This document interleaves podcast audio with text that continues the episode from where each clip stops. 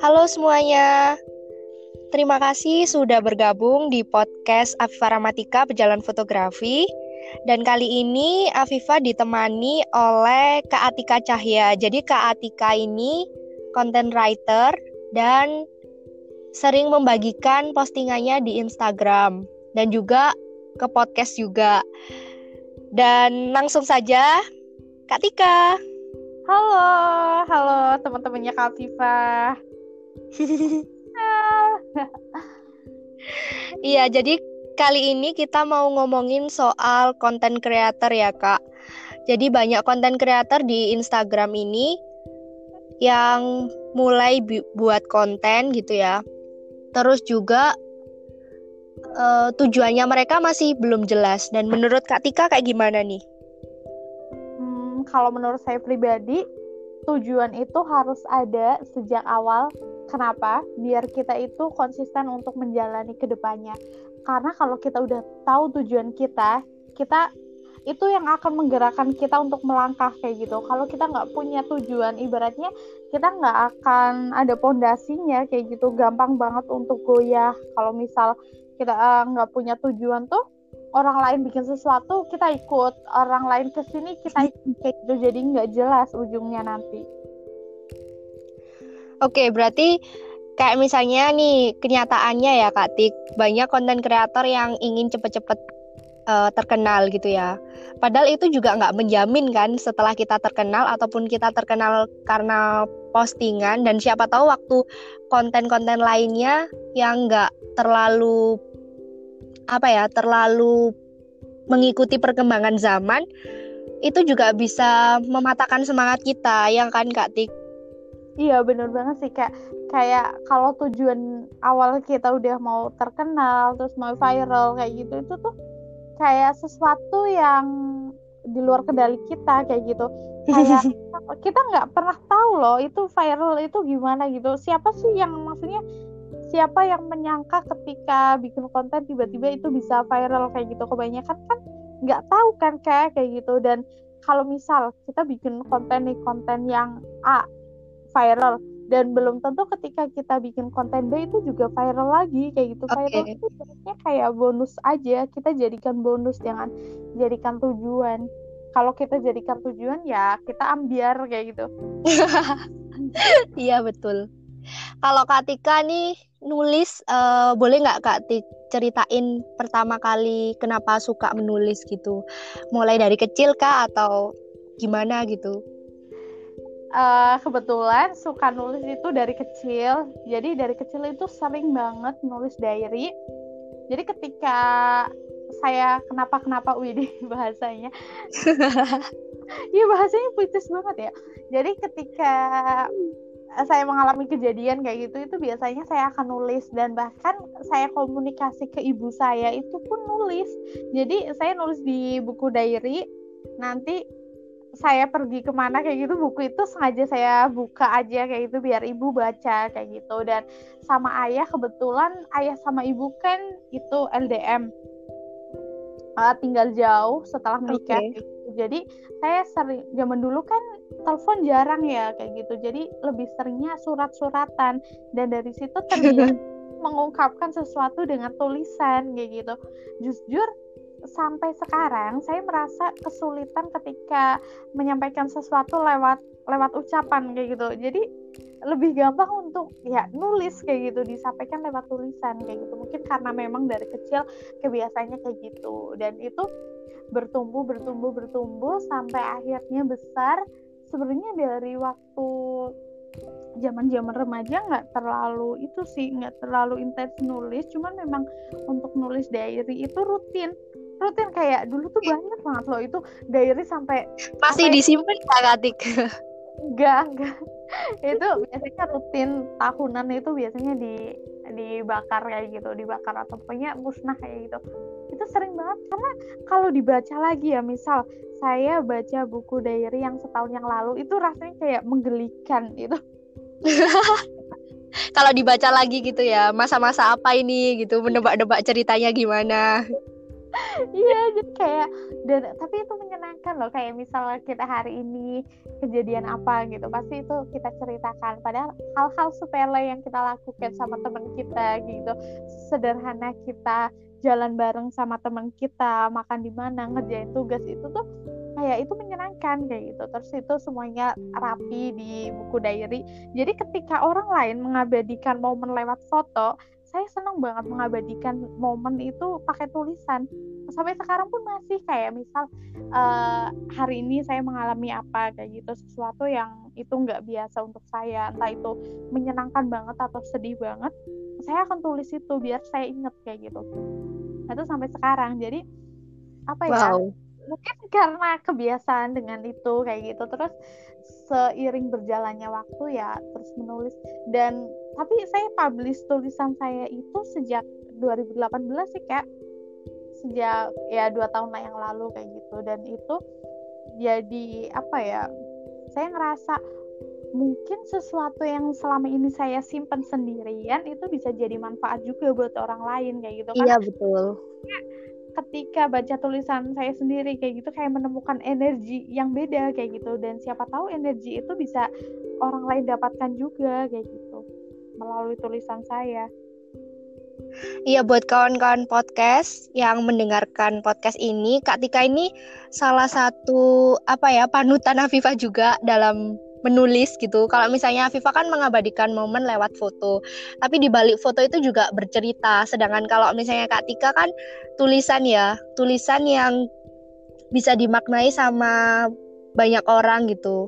Dan kadang sesuatu langkah kecil itu juga bisa berarti besar gitu kan kak iya, bagi betul. orang lain iya betul dan apa ya jujur saya sampai sekarang ya saya masih memegang prinsip yang saya nulis sesuatu yang sederhana tapi itu bisa diambil maknanya yang dalam kayak gitu jujur jadi kayak apa ya di setiap tulisan saya kelihatannya curhat nggak sih kak Enggak sih, enggak curhat sih. Cuman apa ya rasanya itu sampai gitu. Ketika hanya misalnya kayak misalnya kan Kak Tika kan buat ini kan penuh utuh kan. Oh iya iya benar. Itu rasanya orang yang membaca itu langsung sampai gitu. Dan walaupun hanya sepatah kata kan kalau misalnya Kak Tika kan single post ya. Jadi postingan satu kemudian diisi tulisan di post di Instagram dan itu kerasanya sampai gitu. Dan itu dialami oleh banyak orang. Dan kalau misalnya Afifah sendiri merasa bahwa kadang misalnya kecewa ya. Yeah. kita merasa semua di hidup itu kita pernah kecewa cuman fasenya atau ceritanya kita itu berbeda-beda. Dan ketika kecewa itu jadi sebuah tulisan itu rasanya bisa sampai gitu. Iya bener banget sih. Ini ya ini yang itu nggak sih kak? Kak Afifa inget tulisan saya yang apa ya yang pokoknya kehilangan itu kehilangan yang saya rasakan itu seperti kehilangan satu kaki. Tulisannya oh iya iya iya. Pernah pernah. yang apa ya jika ditanya bagaimana rasanya kehilangan saya nggak tahu persis. Yang saya tahu rasanya seperti kehilangan satu kaki kayak gitu kan. Itu bener-bener itu tulisan itu yang judulnya tinggi. Mau nangis ini. Tulisan itu tuh uh, lumayan bikin orang bertanya-tanya kayak uh, mereka kan otomatis langsung DM ke saya ini ada apa sih? Kayak gitu. Maksudnya kayak seolah bertanya padahal it, ya itu nggak ada apa-apa. Toh kalau misalnya ada apa-apa dan saya cerita, uh, cerita melalui konten saya gitu curhat uh, curhat yang kayak gitu itu pun saya nggak biasanya akan post ya nanti jauh-jauh kalau misal beberapa bulan kemudian kayak gitu. Dan kayak nggak ada tapi maksud. kerasa sih kak Tik kayak apa ya kerasa itu kan kayak ketika menggunakan diksi atau kata-kata yang yang apa ya apa? sesedih itu sesedih itu. Tapi orang-orang itu bisa sampai gitu kan maksudnya kehilangan itu emang nggak main-main gitu kan. Iya sih dan apa ya justru saya ngerasa ini sih kayak kayak Kak Viva percaya nggak apa yang kadang sesuatu yang kita ucapkan gitu itu jadi doa kan. Dan saya juga iya.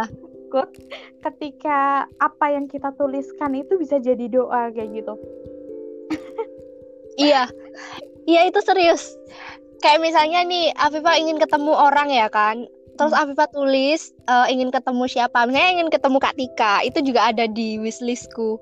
Di entah entah kapan pokoknya Afifa ingin ketemu Kak Tika ingin ketemu Kak Rofiko lagi ingin ketemu siapa-siapa gitu ya kawan-kawan komunitas Youth Ideal semuanya dan itu nulis uh, semacam tulisan terus beberapa tahun kemudian itu tiba-tiba langsung terwujud entah itu kekuatan kalau Afifah bilangnya kekuatan tulisan pikiran sama hati sama iya.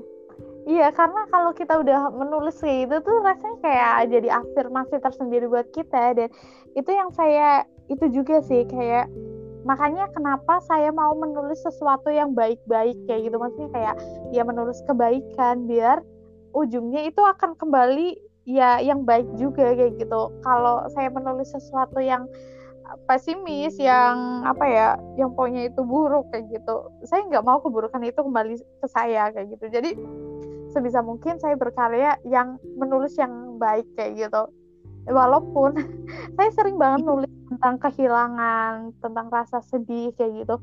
Dan itu apa ya biasanya sesuatu yang apa ya bukan saya alami ya tapi saya melihat itu dari orang lain. Kayak jujur saya kan lumayan sering dengar curhat dari orang lain kayak gitu. Biasanya itu akan jadi sumber tulisan untuk saya kayak gitu.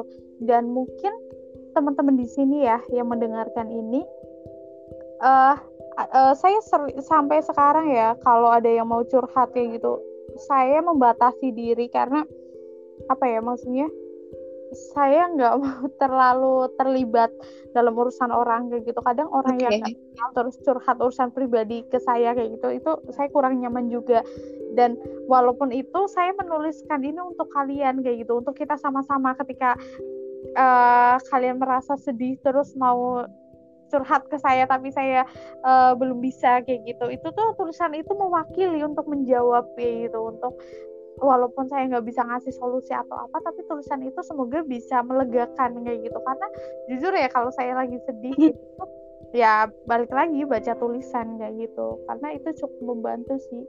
Perempuan kan gitu ya. Iya ya bener ya kayak apa namanya kita sesederhana itu meringankan hari. Ya nggak sih kak Dik betul. Iya. Oke okay, mungkin untuk konten kreator di luar sana mungkin ada yang ingin jadi penulis gitu ya atau apa pun itu ada pesan nggak kak Tika?